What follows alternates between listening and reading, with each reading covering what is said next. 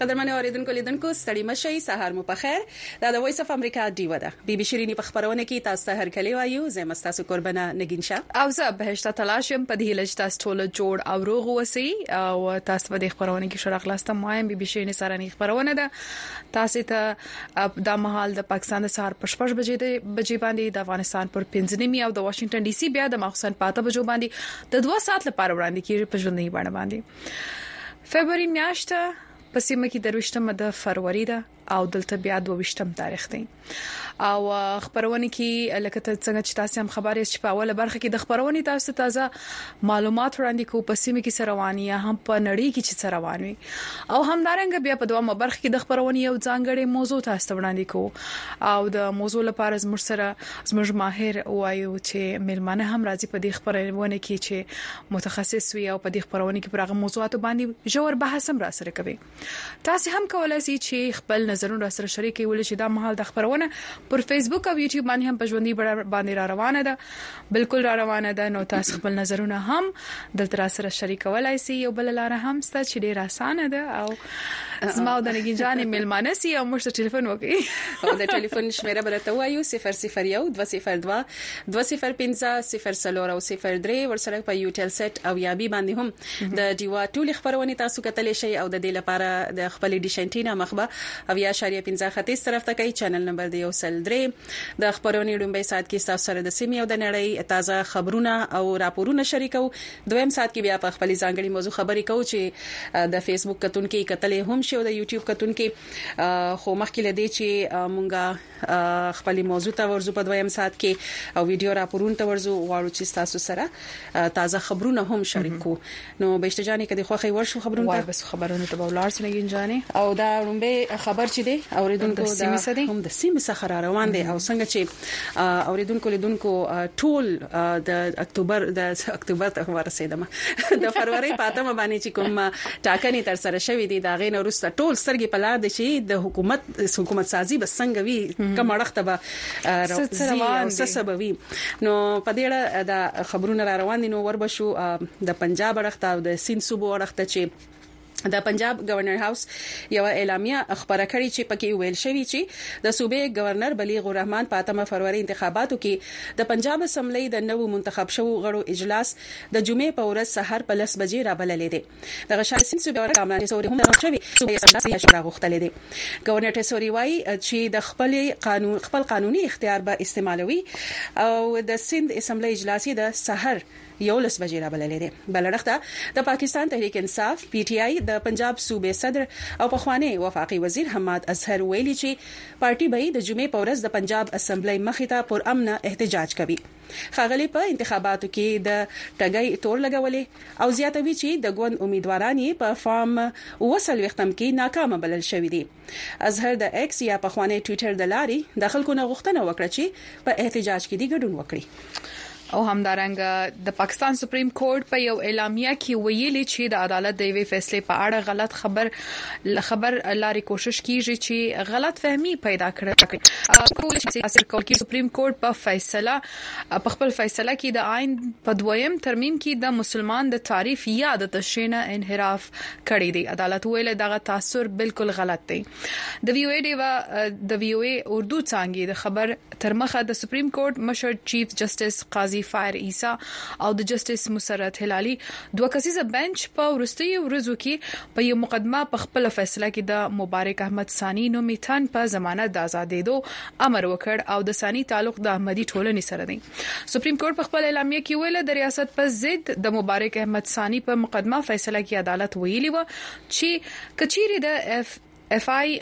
ايي ار الزامات صحيح هم ومنل سي نو بيا هم د دغو مادو استلاق په هغه نه کيږي سپريم کورټ په خپل اعلاميه کې ويل چې د مؤمنونو کتابونو په شایع کولو تر ټولو زیات سزا شپږ میاشتې قید دی خو ملزم د وړاندې څخه د یو کال په جیل کې تیر کړی دی نو سپریم کورټ د آئینی مادو اسلامي احکاماتو او د انصاف د تقاضو سره سم ملزم د آزادولو حکم وکړ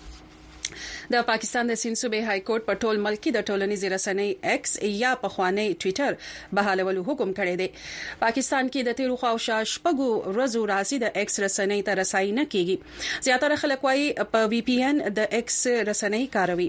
د سیند های کورټ چیف جسټس عقیل احمد عباسي د ایکس رسنۍ د بندیز ضد خواست باندې اورېدنه کړې او د پاکستان ټیلي کمیونیکېشن اتارټي ته یې د ایکس په ټول ملک کې د بحالولو حکم کړی دی. د ځايي مطبوعاتو ترمخه جرنلسټ ضرار کوړو، عمير رحيم شمسي او نورو عدالت ته د ايکس رسنۍ د بندې ضد درخواست کړی وو.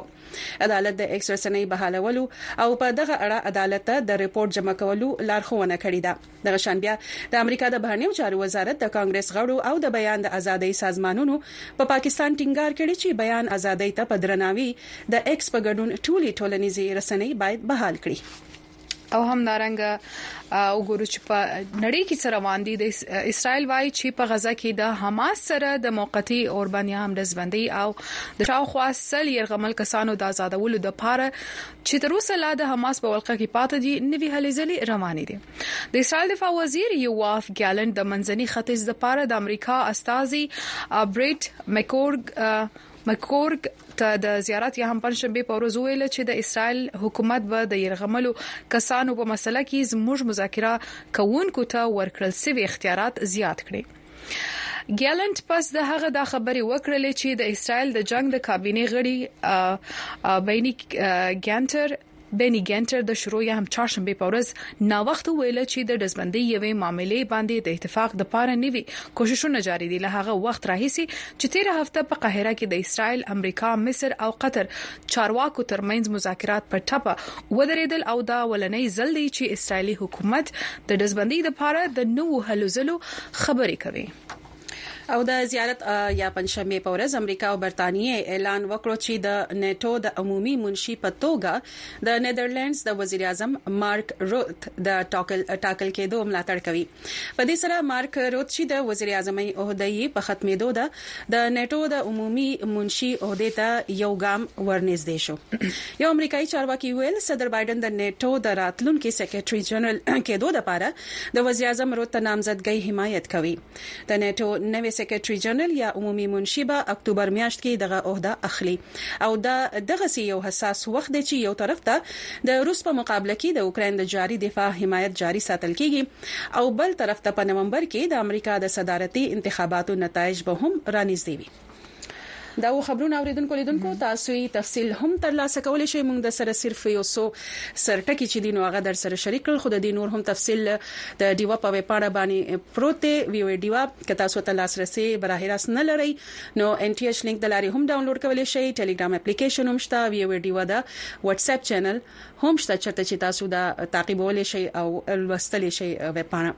خو ویډیو راپورونه وخت شوی دی بلکې راوس یو راپور او دا راپور هم د اسلام آباد څخه د ډیوی همکار ارشد حسین راته چمتو کړی دی چې د امنیتي او اقتصادي چارو ماهرین وایي چې پاکستان کې راتلونکي مرکزی حکومت د لوی امنیتي او اقتصادي چیلنجونو سره به مخ وي او چیرونکو وایي چې سیاسي بحران هم داسې روان وي نو دا به په امنیتي او اقتصادي چیلنجونو لا هم نورې ډیری کړي هم په دې حق لبانی نور تفصیل تاسو په دغه راپور کې وړاندې کوم په پاکستان کې د شخړو او د امنیت د مطالعاتو څېړنیز غیر دولتي ادارې پاکستان انسټیټیوټ فار کنفلکټ اینډ سیکیورټي سټډیز تحقیقکار عبدالله خان وايي، د پاکستان د نوي حکومت لپاره به په ترهګرۍ قابو موندل او امنیت پر ځای ساتل لوی چیلنجونه وي. نوموړی وايي چې په تېرو څو کلونو کې په خیبرپښتونخوا او بلوچستان کې د ترهګرۍ په پېښو کې اضافه شوې ده او د ترهګر ډلو د حملو توان هم سیوا شوی دی. بڑا چیلنج هوګا اس چیلنج کو. ترهګري او امنیت به د نوي حکومت لپاره یو لوی چیلنج وي او د دې لپاره به حکومت ته زیات کار کول وي. یو دا چې نوی حکومت به د افغانستان سره څه ډول تعلقات ساتي او څنګه تګلاره به جوړوي ولې چې پاکستان د يو خاص حد نه زيات د افغانستان سره خپل تعلقات نشي خرابولی او بل خبره دا ده چې په بلوچستان کې د موجود وسلوالو ډلو په اړه به نوې حکومت کوم ډول پالیسي خپلوي پاکستان په دې وروستیو کې د ایران دننه خپل مخالف بلوچ وسلوالو په پټو ځایونو برید هم کړی وو او دا به یو لوی چیلنج وي چې نوی حکومت د افغانستان او ایران سره څنګه اړیکې لرل غواړي او د دغه هیوادونو څخه د راپورته کیدونکي امنیت چیلنج مخه څنګه نیسي. د راپورونو تر مخه د روان کال په لومړۍ میاشت کې د پاکستان دننه وسلوال فعالیتونو کې یو سل دوه فیصدي اضافه شوې ده. د پاکستان انسټیټیوټ فار کنفلیکټ اینډ سیکیورټي سټډیز په خپل وروستي رپورټ کې ویلي چې په جنوري کال 2023 کې په ملک کې درې نوي وسلوالو بریدونو کې نوي کسان وژل شوي دي. څېړونکي وایي چې د پاکستان راتلونکي حکومت که به یو خوا د سیاسي عدم استحکام د ننګونې سره مخ وي، نو ورسره به کمزوری اقتصاد په خپلو خپو ودرول هم یو لوی چیلنج وي. د اقتصادي چارو څېړنکاران وايي، سیاسي او اقتصادي ننګونې د یو بل سره تړلې دي. د اقتصاد پوه ډاکټر ساجد امین په اند، راتلونکی مرکزي حکومت به شاید د پاکستان تر ټولو کمزوری اتحادي حکومت وي او کتل به دا وي چې په مرکزي حکومت کې شاملېدونکې اتحادي ډلې به تر کومه حده د حکومت د سختو اقتصادي پرېکړو پر شا ولاړ پاتې شي. اکنامک فرنټ پې تین چار بړې چیلنجز راتلونکي حکومت ته به په اقتصادي محاذ دوه درې لوی چیلنجونه ورپېښ وي او دا چیلنجونه د سیاسي استحکام سره تړلي دي.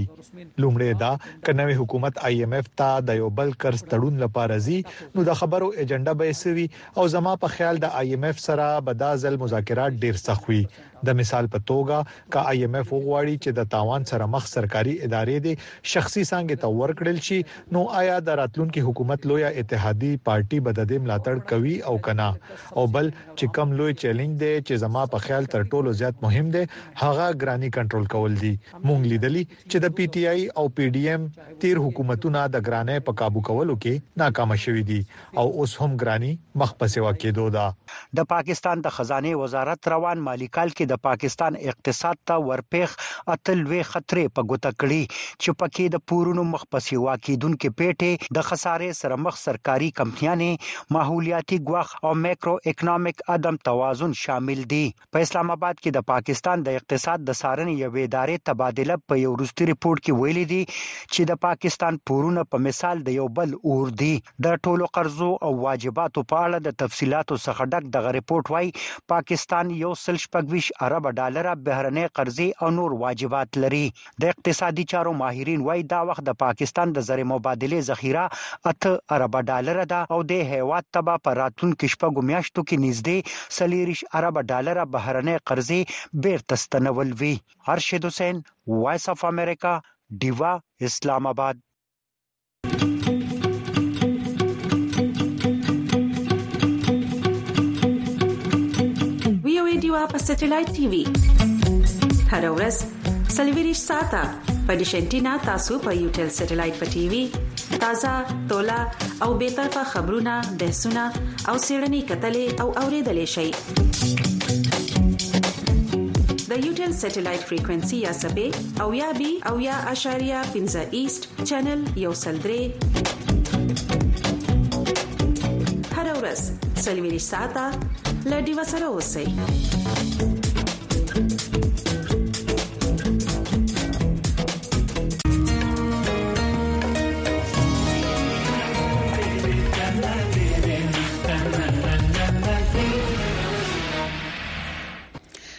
بیا ستړي مه شئ اوریدونکو لیدونکو بي بي شیرینې خپروني ته خپرونه لا دوام لري او که غواړئ چې خپل نظر راسره شریک کړئ نو د یوټیوب لاره هم ده د فیسبوک لاره هم ده د ټلیفون لاره هم ده شمیره ده 001 202 205 04 او 03 بالکل هم دا شمیره ده راوسو پیغامو ته پیغامونه را روان دي اول خو ټوله سلامو ته به وعلیکم سلام وای جمیل کاکر جمیل کاکر صاحب هم سلامونه را لېږل دي نو وعلیکم سلام ونی کی هله سلامات می قبول کی او ډیوا ټول ټیم ته سلامونه او وعلیکم سلامونه بشرت لاش خور ته سلام او نګین شاه نګین شاه ته سلام دی او پروګرام شایسته دی او په امریکا کې موسم څنګه دی یخنی خونسته په نوړ کې د سخت سیلابونو لوجي سړکونه خراب دي او سیلابونو ډیر نقصان وکړ جمیل کاکړ نوړک څخه میسج کوم او سلام د جلالت خان کاکړ ته هم استولې دي په دې لچ تاسو سلام رسیدلی وي دلته هم موسم یخ دی نن بارانو چې را روانو دفتر خواته باران خو به د شپې به هم باراني به سبا هم د باران امکانات خو ولې شوي دي خو د باران خوخه ده چې کله راغی امکانات خو به خیر را بشو نور پیغامون ته خان خان سلامونه را لګلې دي او وای چې ویلکم څنګه تاسو ډیره مننه خدای دې شادر ولې او مرشي شکر رحمان غنی هم سلامونه را لګلې دي وای څنګه تاسو او تاسو ستاسو میلمنو شوې مونږ له چای ښه پخه کړي سحر دی خوشاله اوسئ ډیره مننه د دعوت تاسو میلمانه شئ وای زمونږ وای چې مې پخ کړی ډیره مننه د دعوت څخه نوش جانې کې زموږ د خواسخه مسی احمد کاکړ هم سلامونه را لېږل دی وای سلامونه خورجانی عبدالمنان د کاکړ توبه کاکړی څخه وای روډونه ډیر مسل د روډو ډیر مسله ده په علاقه کې او وای ډیر غربت په علاقی کی ډیر غربت هم دی اوای چې ډیوا زنده باد ډیر مننه د پیغام راستولو څخه او دا د مسلې را روانې دي د کوټي څخه بل وسه د مېسي لیکل د دا تاسو هغه فوټبالر په نوم باندې خو نه خو د کسنګ کله چې لقمن دی بلوچستان کې خاصم د فوټبال لوب ډیره زیاته خو اسید مای چې یو دغه کې نه چې معلومه کوم چې واقعي تاسو لکه دا پاره مېسي پس خپل نوم لیکل لقمن دی او کنه یا هم نو مخ کې دي د خوخي فوټبالر وی کنه میسی د چانه دی خوخه او بیا دغه شان حکیم الله حیران وای چې سلامونه قبول کړئ ډیر ښه پروګرام کوي د دې د باجوړ تحصیل برنګ کلی نه سلامونه را لګلې د تاسو پروګرام ولته اورو مننه خان خان وای چې ګنجانی خدي وی پیغام می دی دا چې موسم بهر انه خدا تاسو خو نه دی لستل کنه یا موسم بهر وی دراتلو ول دی او موږ ته پکار دي چې موږ زیات بوټي ولګو او ماحول هم وسره به خولې شي مناهل یما نو مناهل ډیر زیاته مننه او خان خان پنوم باندې دا تاسو وایي خو ډیر مننه موږ غواړو چې تاسو ټلیفون مو کوي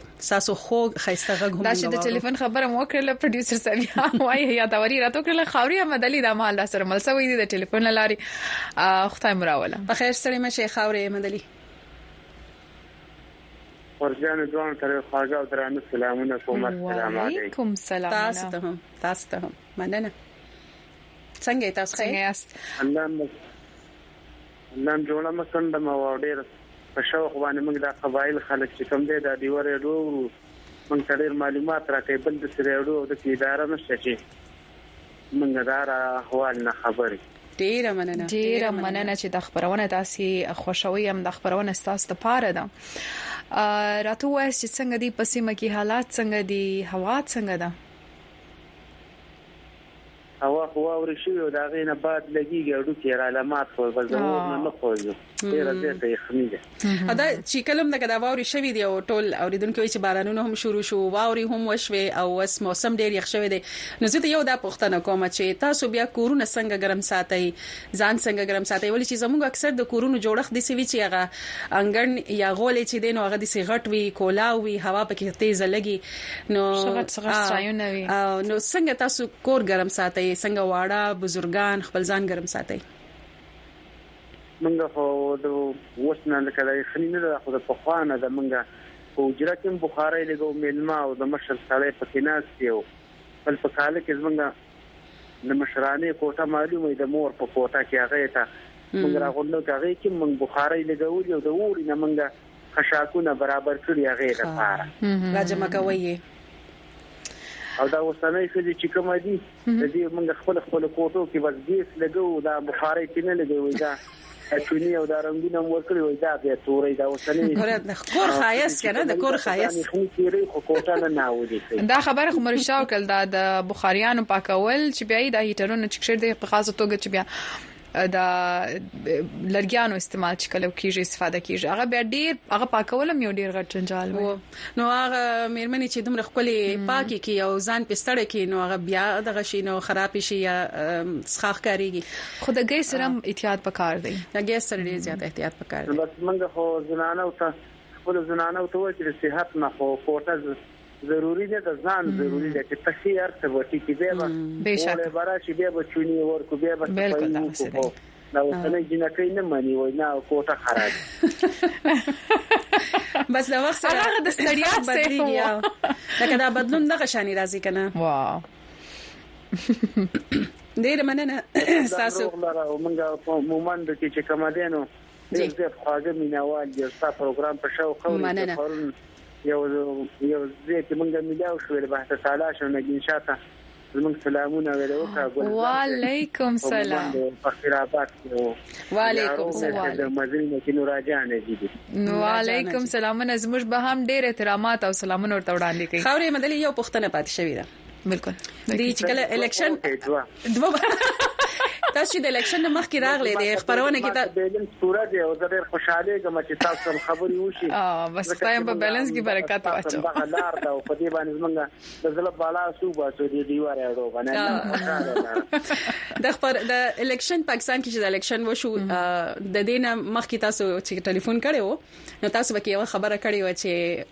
وې وټون د پاره راځي نو په شمل مسیا د کنډیشن گاډي وی کنه او په هغه کې مو لکه بوزي وي چې لکه وټونه دغه او چې الیکشن وشي بیا په خرګاډي کې مونږ بوزي نه دا راته چې وسه صورت حال ده الیکشن خوش الیکشن شوه دی او خلک ډېر تاوانین شوی د پښتر ګومونه دي د پروات پرورې نه دي په لوم نه دي د پښتر ګومم نه دي او په خپل هم لکه دار چې حکومت لا اوسه پوری نه دی ساز شوی کنه غو به هم پته مې چې ورګه د حکومت ساز چی یو غوی ته د خپل د رول پته ولګی نو هغی نه پس بیا څه نه څه کوی کنه. په دا کومو خلکو چی ګټلی ده دوی هم زړه درزیږی چی خدایه پاکه اوس به څه کیږی هغوی هم زړه مطمین شوی نه دی او هرشی له زاوال شته دی مونږ په بخارو کی وګرځیدو خبره دا ده خو هرشی له الله پاک زاوال راوستی بس یو څو ورځی مزی وی وشولی اوس بیا هغه مزی نشته لاس لکه د مرچ مروړو. ډیره مننه تاسو خاور احمد علي ډیره مننه چې ټلیفون مو وکړ خپل د سیمې عالم را سره شریک کړي الله جو الله جوړه کړم آباد اوسئ علي مرجان مالک علي مرجان خبر الله خفه مکات سره استاد سره مننه آباد اوسئ خوشاله اوسئ شایسته ورځ ولرئ او را به شوبل ویډیو راپور بل راپور ته براسو دا نوم راپور نه دی زویم چې د خلکو خبرې دي مخ د سوده خلک خدا غبرګون بالکل دا غستې دا چې 13 ورځ مسلم لیگ نون او پیپلز ګوند ترمنځ د حکومت په جوړولو د اتفاق وروسته امکان څرګندېږي چې مرکزی حکومت به یو ځل بیا اتحادي حکومت راسي په سیمه کې نو دا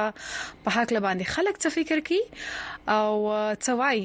زموږ د ډیوی همکاري رابیا پیر سره خبرې کړې دي غواړو په دغه راپور کې تاسو وړاندې کوو زمونږ هیڅ قسمه پاټو سره څه دغه نشته چی کوم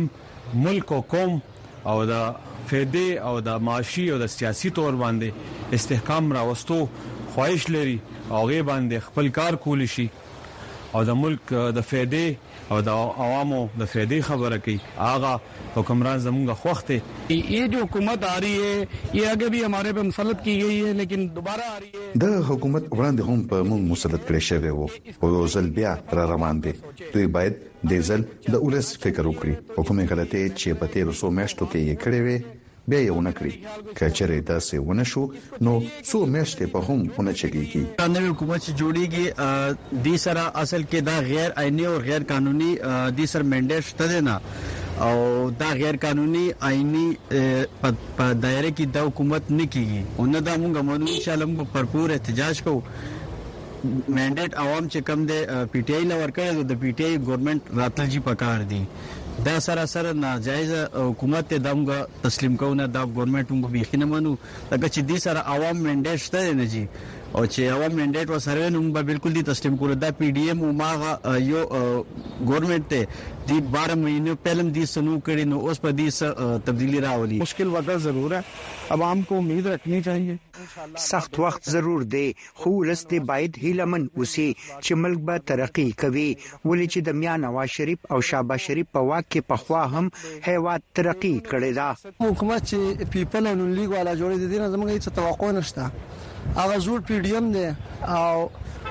چې کوم نينګايان ددوی په حکومت کې راغلي دي نو دا په بل کوم حکومت کې هم ندي راغلي چې ډیر سخت مې تیر کړی تقریبا دا اوه اته میاشتې وشو بې روزګار یو کار روزګار هم نشته دی او چې څو مثال 2 3 سلور سو روپۍ ورځ دیړی کو او هغه الټا د سې چې قرضدار شو الټا نو د دې نه زموږ هیڅ دغه نشته دی خپل مفاد د پاره لګی دي دا د امید په کار چې مطلب موږ په واره کې سیز لګ ارزانی راولي زموږ غریبان خلک د کوټه نه راغلي اسلام آباد چې مطلب موږ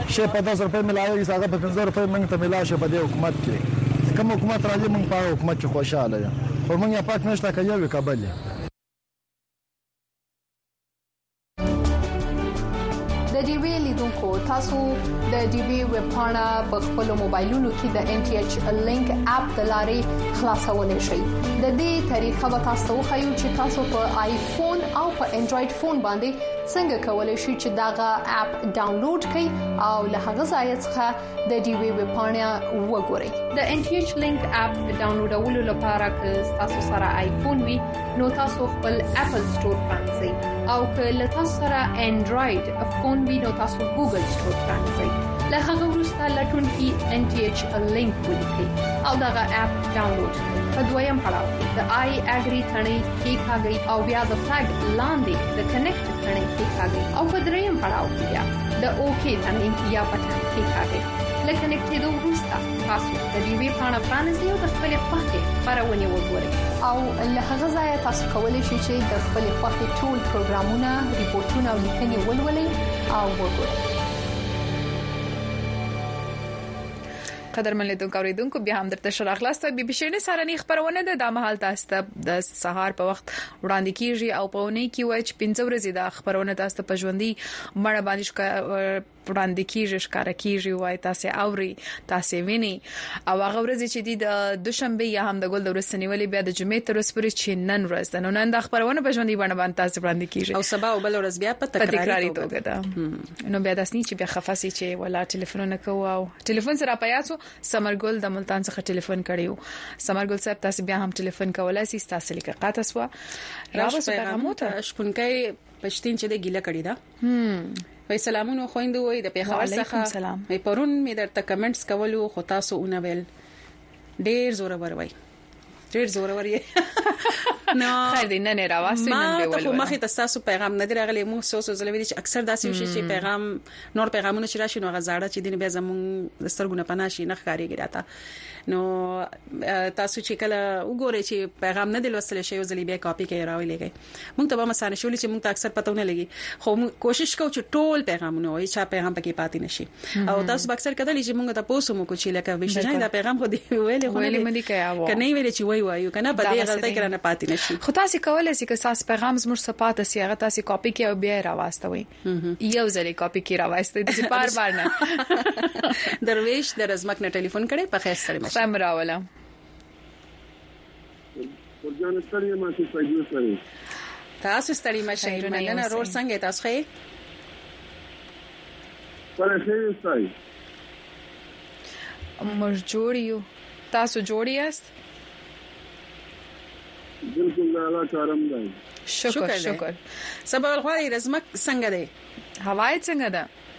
واوري څنګه دي باران څنګه دي هوا دا اوس نو بخاره ته راځي ورپسې کړي دي ډېر ډېر ځمکه سړه هوا دا منفي کې سره چاليږي او منفي کې روانه ده د واورو د باران نه وروسته هوا ډیره سړه شوې ده نو بزان څنګه ګرم ساتي او کوټه او کورونه څنګه ګرم ساتي وي بخاری کې ملرګي ور کړی دی شا صحیح او هغه خبره وخت چې هغه خوري مدلي وي کنه بخاری استعمالونه ولا نو دا خو ډیر یخ دی الته ولا بیا د بداس یخ کې خدا د ژوند چاري هم یعنی یو لړڅه ګډي وډي سی وایم که یو څوک د باندې کار ته زی یا مزوري ته زی یا هم د باندې کار کوي نو بیا خو بداس یخ کې څنګه یعنی دا خپل روزمره کارونه د ورځنی کارونه څنګه مخې ته بیاست او د یخ څخه ځان څنګه ساتي خورجانه زه سلامونه لیږم. وای او بالکل مهرباني وکړئ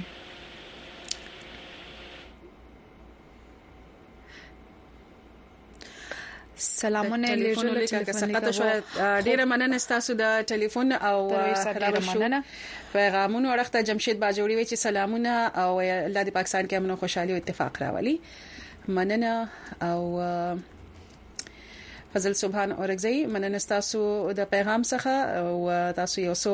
مرګري دي چې هر ورځ ته تاسو پیغام سلامونه لګي بس هغه تاسو سلام ولېګل شو دا څوک هغه د سره یو ځای کښینی د خبرونه ګوري نوې پیغام پکې مراولېږي ځان له واتس اپ ګروپ جوړ کړئ او ورسره لري چې سنوي پیغام ولګي هر ورځ د یو پیغام صرف شیر پکې نه وي نو بیا ریاض افریدي هم سلامونه را لېږلې دي وایزه د خبر ضلع نه یم تاسو خوندور پروګرام اورو خبرونه رپوټونه او نور معلومات ترینه اخلو د پاکستان سیاسي حالات ناساز دي د نوي حکومت منتظر یو خو د حکومت د جوړولو نه ټولي پلټي منکر شپارټي منکر دي چې د حیرانېدو خبره ده بلکې به پاول ځل داسې حال دی چې مخکش او د هر چا کوشش کولو کولو چې زموږ حکومت راسي خدا ځل بدل حال دی ډیره مننه افریدي صاحب د پیغام رسولو څخه نه هیله لرم چې سلامونه د کوم چشمه بنونه زما پلار شاد محمد عرف مقان ته د زړه د کومه وې د زړه د کور نه سلامونه نو تاسو پلار جان ته بس تاسو سلامونه رسیدلې ډیره